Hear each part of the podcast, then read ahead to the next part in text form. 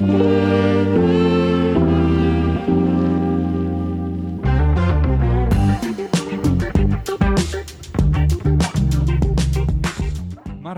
لكل شخص عم يحضر معي وعم بيسمع معي حلقة البودكاست الحالية حلقتنا اليوم حلقة جدا مميزة وهي حلقة بتساعد الأشخاص لحتى يتعلموا موضوع الإكسل وكيف نحن بنقدر نستخدم الإكسل لفوائدنا بالعمل.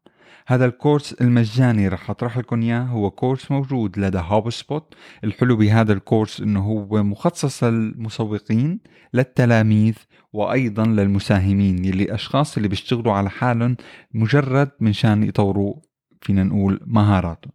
الحلو بهذا الكورس فيه كتير من العوامل اللي رح تخليك بالفعل يكون عندك قدرة تتعامل مع الأرقام والمعلومات بشكل كتير سلس ورح توفر كتير كتير وقت على حالك.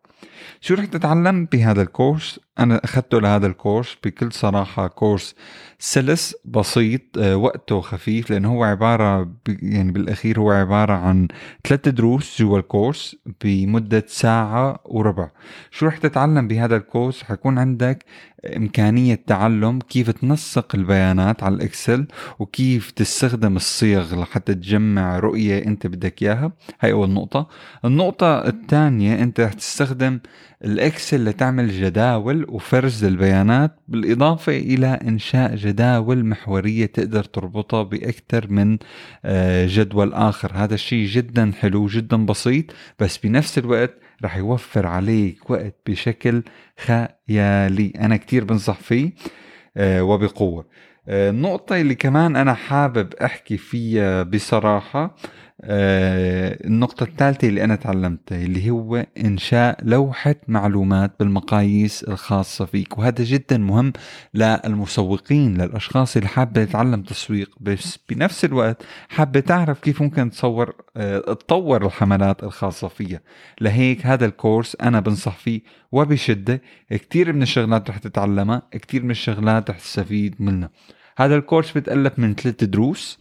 ثلاث دروس in total بشكل إجمالي بيحتوي على 11 فيديو. بالإضافة إلى ثلاث آه، امتحانات لكل آه، درس بحيث أنت يكون عندك فكرة عامة عن هذا الموضوع. أنا اللي حابب لكم إياه الإكسل هو برنامج جدا رح يساعدك لحتى توفر الوقت وتحقق, وتحقق النتائج اللي أنت عم تطلبها. بفكرة سريعة عناوين الثلاث دروس حتكون كيف تشتغل على البيانات بالإكسل. كيف تحلل البيانات بالإكسل وكيف تعمل تصوير لهي البيانات بشكل واضح وسهل للقراءة. هاي هي الفكرة الرئيسية. بتمنى تكونوا استفدتوا منها وبتمنى إنه هلأ تسجلوا وتجربوا تحضروا هاي الساعة وربع. وأنا متأكد إنه كتير رح تستفادوا ورح تتعلموا هاي المعلومات بشكل كتير انسيابي وكتير لطيف. شكرا كتير. كان معكم صالح غنايم.